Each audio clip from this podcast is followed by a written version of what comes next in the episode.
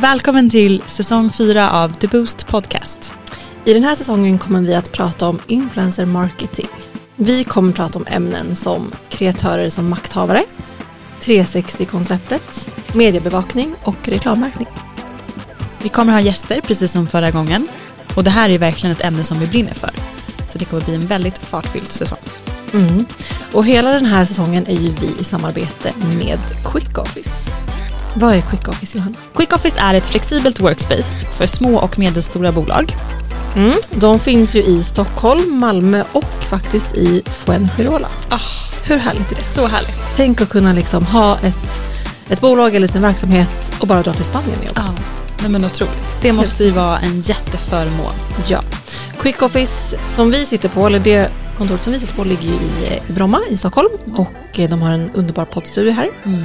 Så om ni också har podd där ute så vänd er till Quick Office och eh, boka ett möte, se vad ni behöver och eh, så löser de det Ja. åt er. Och det bästa av allt med Quick Office, det är ju ändå de personerna som jobbar här. Ja, De är helt otroliga. verkligen. Helt fantastiska. Mm. Så trevliga, så till, tillmötesgående, snälla, rara och fantastiska. Mm. Så tack Quick Office för vårt partnerskap. Vi ser fram emot att jobba med er den här säsongen. Okej, säsong 4, nu kör vi. Du lyssnar på mig Johanna. Och mig Alexandra.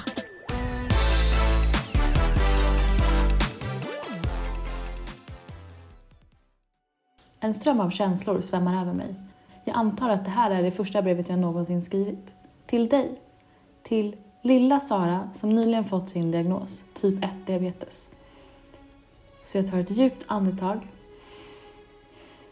och låter känslorna flöda. Jag vet precis hur du känner just nu när du ligger där i din säng på sjukhuset. Du är tom, förvirrad och rädd. Jag vet att du tänker på vad diabetes egentligen är och att du inte vågar fråga och att ingen riktigt förklarar för dig. Men det kommer lösa sig och det kommer bli bra. Om jag kunde skulle jag ge dig den största kramen och omfamna den verkande kroppen som just du känner har svikit dig. Diabetes kommer inte hindra dig från att göra saker som du verkligen vill. Du kommer att resa världen över, flytta till USA, föreläsa i flera länder än du någonsin kunde tänka dig. Ha en fantastisk familj som också alltid kommer finnas där för dig när det skiter sig. Men det kommer inte alltid vara enkelt. Du måste lita på din magkänsla, dina erfarenheter och på dig själv. Du har ett otroligt stöd från vänner, familj och kollegor som alltid ser upp till dig och hjälper dig när saker inte går som det är planerat. Och det viktigaste av allt är att du inte förlorar tilliten till dig själv. Livet är för värdefullt och alldeles för kul för att skita i allt som diabetes innebär.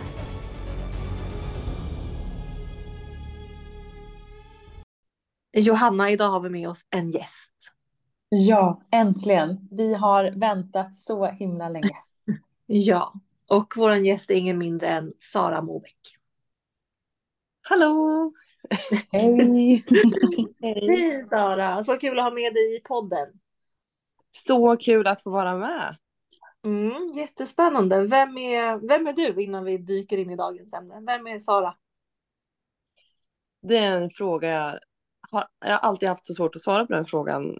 För jag vet aldrig om jag ska, vad man ska börja med. Om jag ska prata om vem jag, vad jag jobbar med, vem jag är som person med min familj eller vem jag är med mina vänner. Men, men i stort så driver jag sociala kanaler eh, inom ämnet typ 1-diabetes.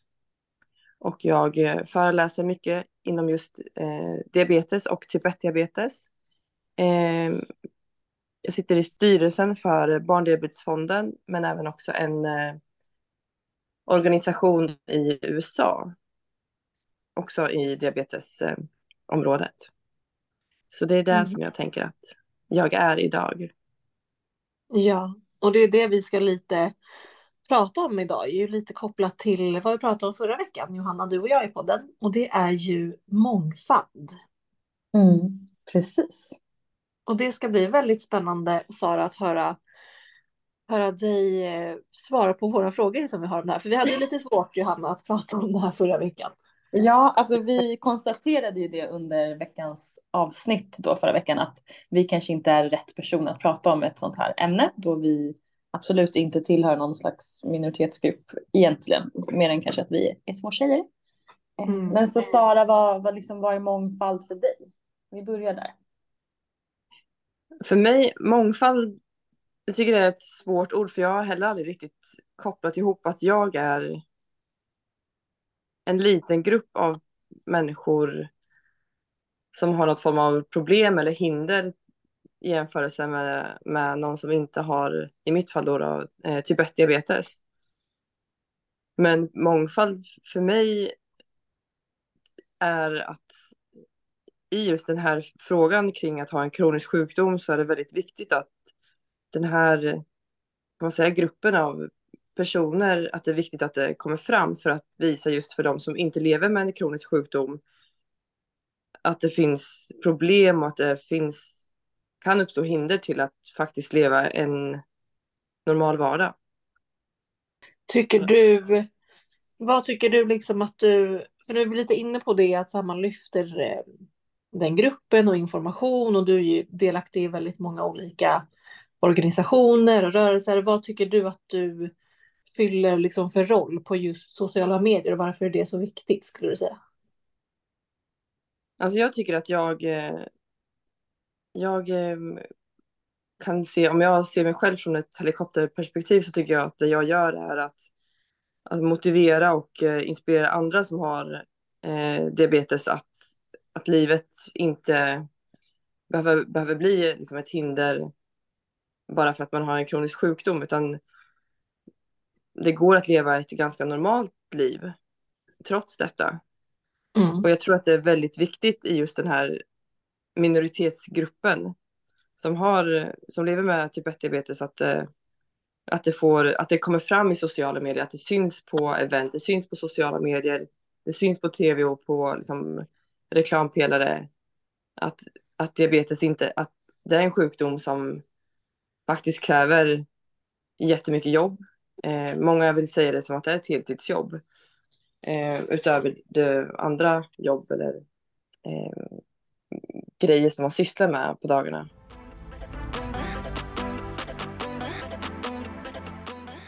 Om vi ska dyka in lite liksom djupare, Sara, på liksom vad du gör på sociala medier.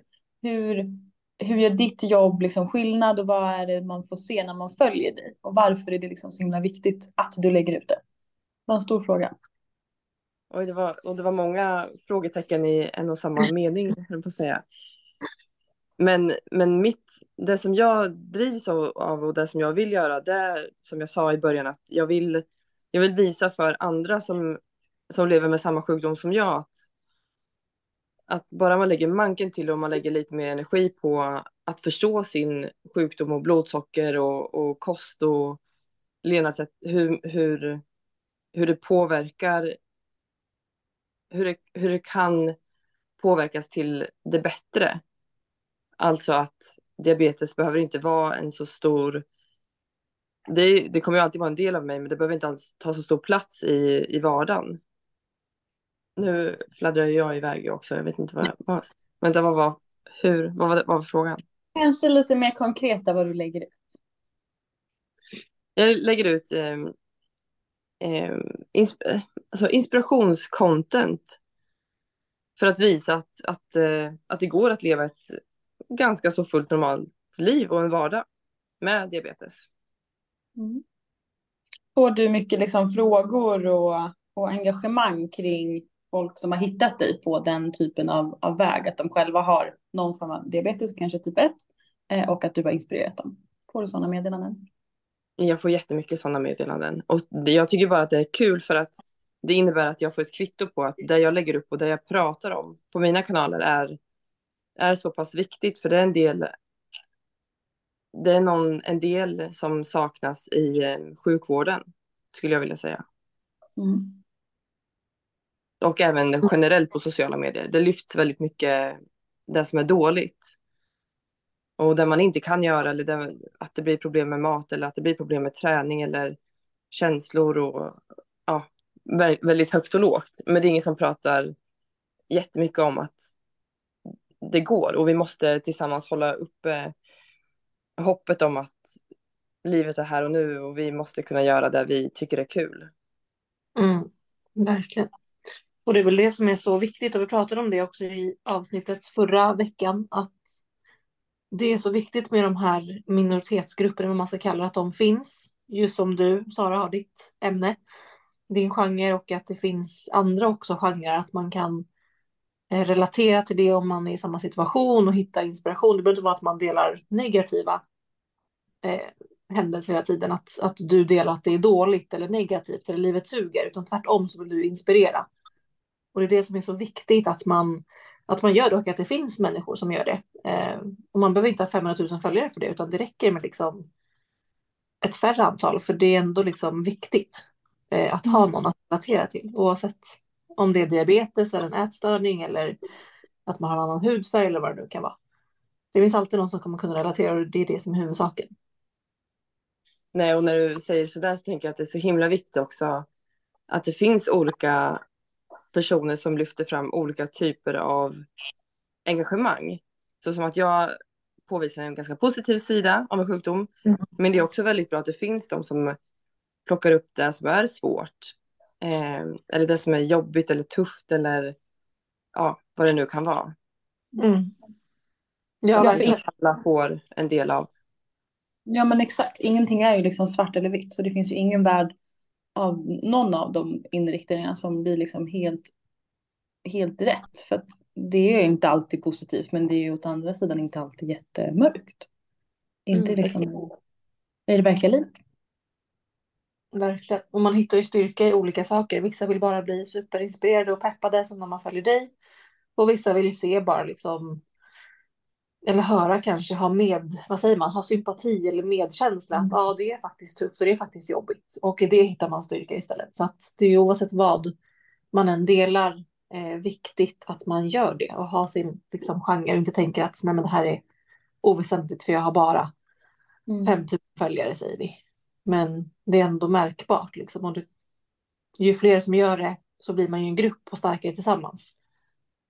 Faktiskt. Och det kan man ju dra relationen till att bara det jag tror kanske många känner igen sig i att om, om jag ska hitta en ny mascara då kommer jag gå in på något konto som som eh, visar upp massa smink eller som ger reviews på olika typer av mascara-produkter.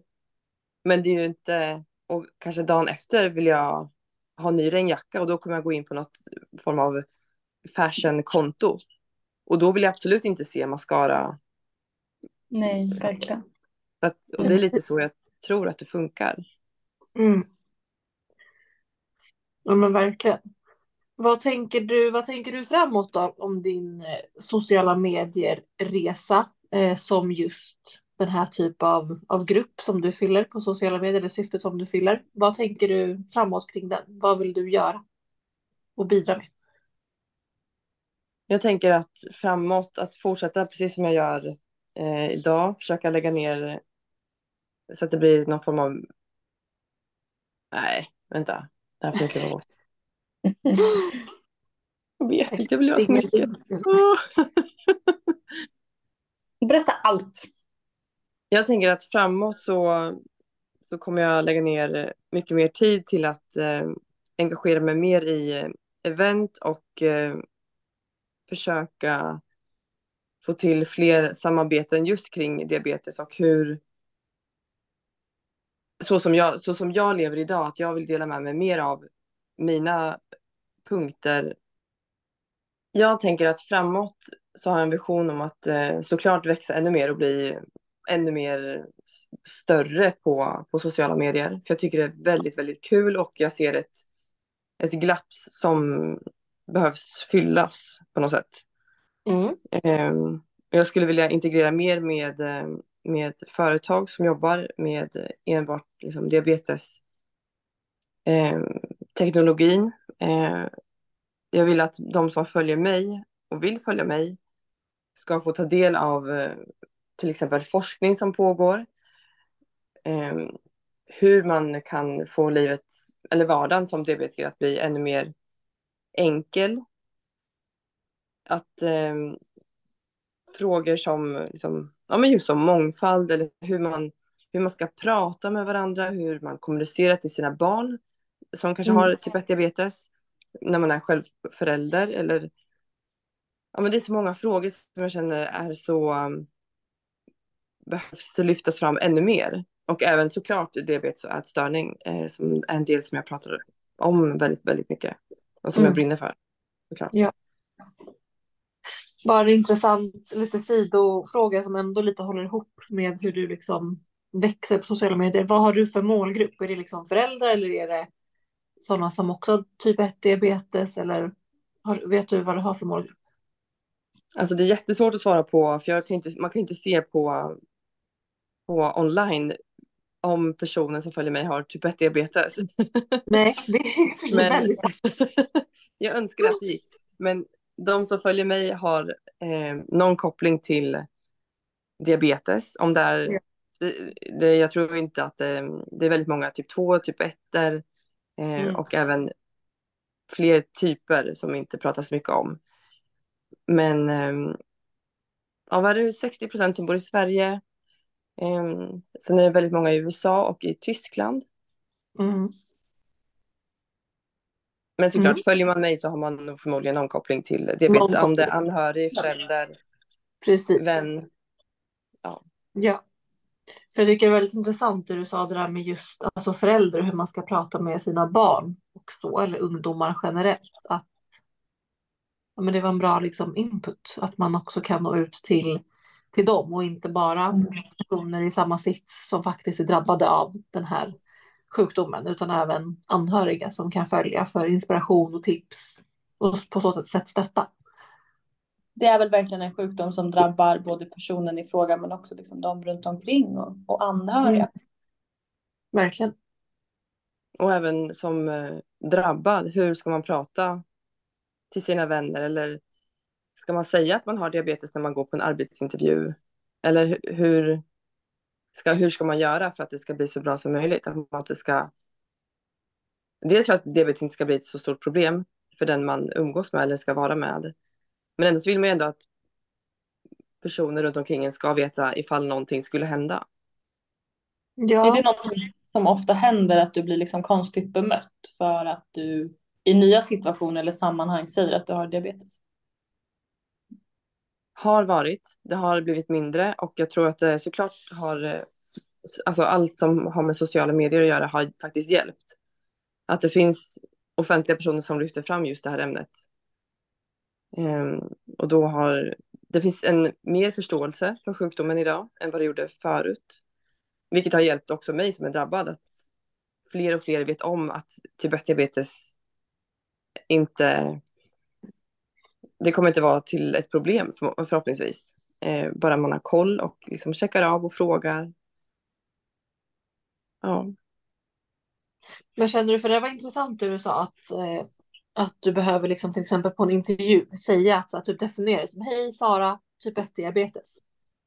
Egentligen varför? Alltså förstår du? Det är som att jag skulle liksom komma på en intervju och bara hej Alexandra, ont i huvudet inte för att det är Exakt. samma, samma sak, men ni förstår alltså det definierar Ja, ja. inte mig för att jag har ont i huvudet idag eller du är ju Sara med eller utan diabetes, sen har du det och du behöver leva med det. Så det är absolut liksom väsentligt. Men känner att du måste liksom berätta det? Att det är avgörande på något sätt för vem du är. Liksom. jag har aldrig sagt på någon arbetsintervju att jag har diabetes. För att Nej. det är inte min identitet. Precis. Men såklart, det måste, är det så att jag blir anställd eller jag träffar den här nya vännen som vi ska fortsätta, fortsätta hänga eller den här dej, Mm. dejten liksom att det, jag kommer ju behöva ta ledigt från till exempel jobbet om jag ska på något läkarbesök. Eh, jag kommer behöva kolla i telefonen för det är där mina blodsockervärden ligger. Mm. Jag kanske kommer behöva käka godis om det är så att jag blir för låg under ett möte. Bara Mm. så att det inte blir som en dålig stämning. Så pass. Ja. Och då Nej, måste det komma fram till slut att man måste ju ändå ta Mm. upp den här pucken att så här, by the way, bara så att ni vet. Ja, fattar. Det var kanske lite sidospår men väldigt intressant. Mm. Mm. Liksom Jätte... Ja. definierar sig, eller vad ska man säga, hur det, liksom, hur det blir ens identitet men ändå inte på något sätt. Alltså, Exakt. mm. ja, och som att man har något slags upplysningskrav. Men man vill Precis. ändå inte, som vi säger, att det ska bli en identitet eller det är inte jag som egen hög person utan det är bara någonting som såklart följer med. Ja, det är ju Ja. jätteintressant. Litet spår. Finns det mycket andra konton, och nu tänker jag kanske främst i Sverige, som, som gör den typen av innehåll som du gör idag? Alltså med typ 1-diabetes eller om du har något annat kul inslag på konto som, som också representerar minoritetsgrupp. I Sverige skulle jag inte säga att det är jättemånga som gör samma sak som jag, som är, som är drivande i just att försöka få ut material till sina följare som är alltså som är näst, äh, säg 90 procent väldigt positivt. Eh, det finns väldigt många små konton som, eh, som är också väldigt, väldigt viktiga att de faktiskt finns. För det är där, för det, för jag tänker att är man en, en liten, lite som jag är, att man är en, vad säger man, mikroinfluencer. Ja. Att jag vet att de som följer mig, följer mig för att de tycker att det jag lägger upp är bra. Eh, men jag vet, det var någon tjej, nu vet inte jag vad hon heter, men hon har en påse på magen. Alltså, Ja, stomi. är det hon Ja, en stomi. TikTok-tjejen? Vad sa du? Är det hon TikTok-tjejen? Ja, De är tillsammans med eh, Emilio som var med i eh, Robinson. alltså hennes konto flög upp för typ några dagar sedan bara och jag bara, men gud vilken häftig brud.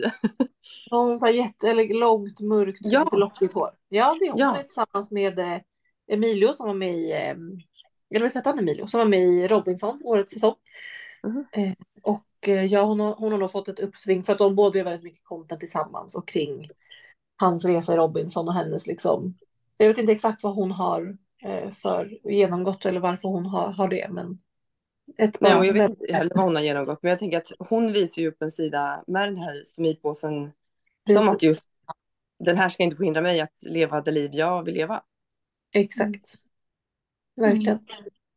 Och För då är är liksom-. Ja, för då är ändå nästa liksom fundering utifrån ditt perspektiv är hur tycker du att en drömvärld skulle se ut om fem år? Alltså representationsmässigt av minoritetsgrupper på sociala medier. Alltså, jag tycker att det ska absolut växa. Även om vilken sjukdom eller vilket så här, problem som finns. Men det måste växa för att alla andra som bor i världen ska förstå att livet är inte liksom som en, vad säger man, nyutslagen ros är. För livet har upp och nedgångar. Och ibland känns det som att man sitter i en, eh, som, i en tunnelbana som bara kör i liksom 500 kilometer i timmen med massa gupp och krångliga vägar. Men att i slutet av dagen så står vi ändå som en samlad trupp med att vi hjälps åt. Eh, och vi ger kärlek liksom till, till varandra för att livet är ändå rätt fint. Mm. Fint sagt. Det var absolut inte svaret på frågan. Jo, men jag tycker ändå det. Och det handlar liksom inte om, som vi pratade om, att man ska ha 500 000 följare och liksom sådana där saker i det här syftet. Utan det här är ett helt annat syfte och en annan, liksom, vad säger man, alltså ett annat typ av. Drivkraft? Drivkraft. Precis som en exakt, det var jag sökte ett bättre ord än det. Så det var jättebra. En annan typ av drivkraft. Som du, Sara och fler personer eh, delar med sig av. Och det är så viktigt. Och flera små blir ju tillsammans stort. Mm. Och att man inte då känner att så, nej, men jag är så liten och jag eller liten på sociala medier eller vad, man Mm. nu kan så här, Jag är bara en, en mikroinfluencer, en minoritet så att det är ingen som bryr sig om det här. Men jo, det, det gör man och det är som sagt oavsett vad man har att dela med sig av så kommer det alltid hjälpa någon. Och det är bättre Ja. än ingen. Och jag vet att jag har sagt det från början när jag började med, mina, alltså med min Instagram specifikt att bara, bara jag räddar en person eller får en person att må lite bättre då, Mm. kom, då, då fortsätter jag. Ja, Jättefint. med. Ja, jag vill bara innan vi avslutar en liten snabb fråga för att vi lever ju i ett liksom, hårt klimat på sociala medier. Och då kanske det är svårt om man är också mindre, dessutom influencer eller mikroinfluencer, att bemöta kritik som såklart kan uppstå. Eh, Nu kanske inte du får så mycket utan du kanske får mest, mest kärlek och liksom positiv energi tillbaka. Men hur skulle du säga att man bemöter det som kanske liksom mindre influencer i det här fallet? Om du får liksom någon hård kritik eller vad säger folk i så fall? Jag är väldigt skonad från eh, Mm. hårda kritiker. Men det är såklart, det, har, det kommer, ibland kommer det. Eh, det mesta tror jag bara beror på avundsjuka och eh, att man har, den personen som skriver det har väldigt mycket tid. Ja. Eh, och det är ingenting som, jag vet att jag blev väldigt ledsen, det var, det var under pandemin och jag la upp någonting på min eh, Instagram stories.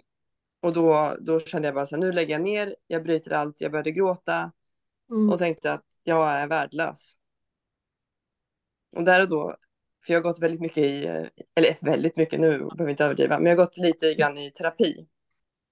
Eh, och där har jag lärt mig av att om jag känner att jag mår dåligt över någonting eller eh, känner att livet känns väldigt, väldigt tungt, då ringer jag alltid till någon som står mig nära eller som, som känner mig.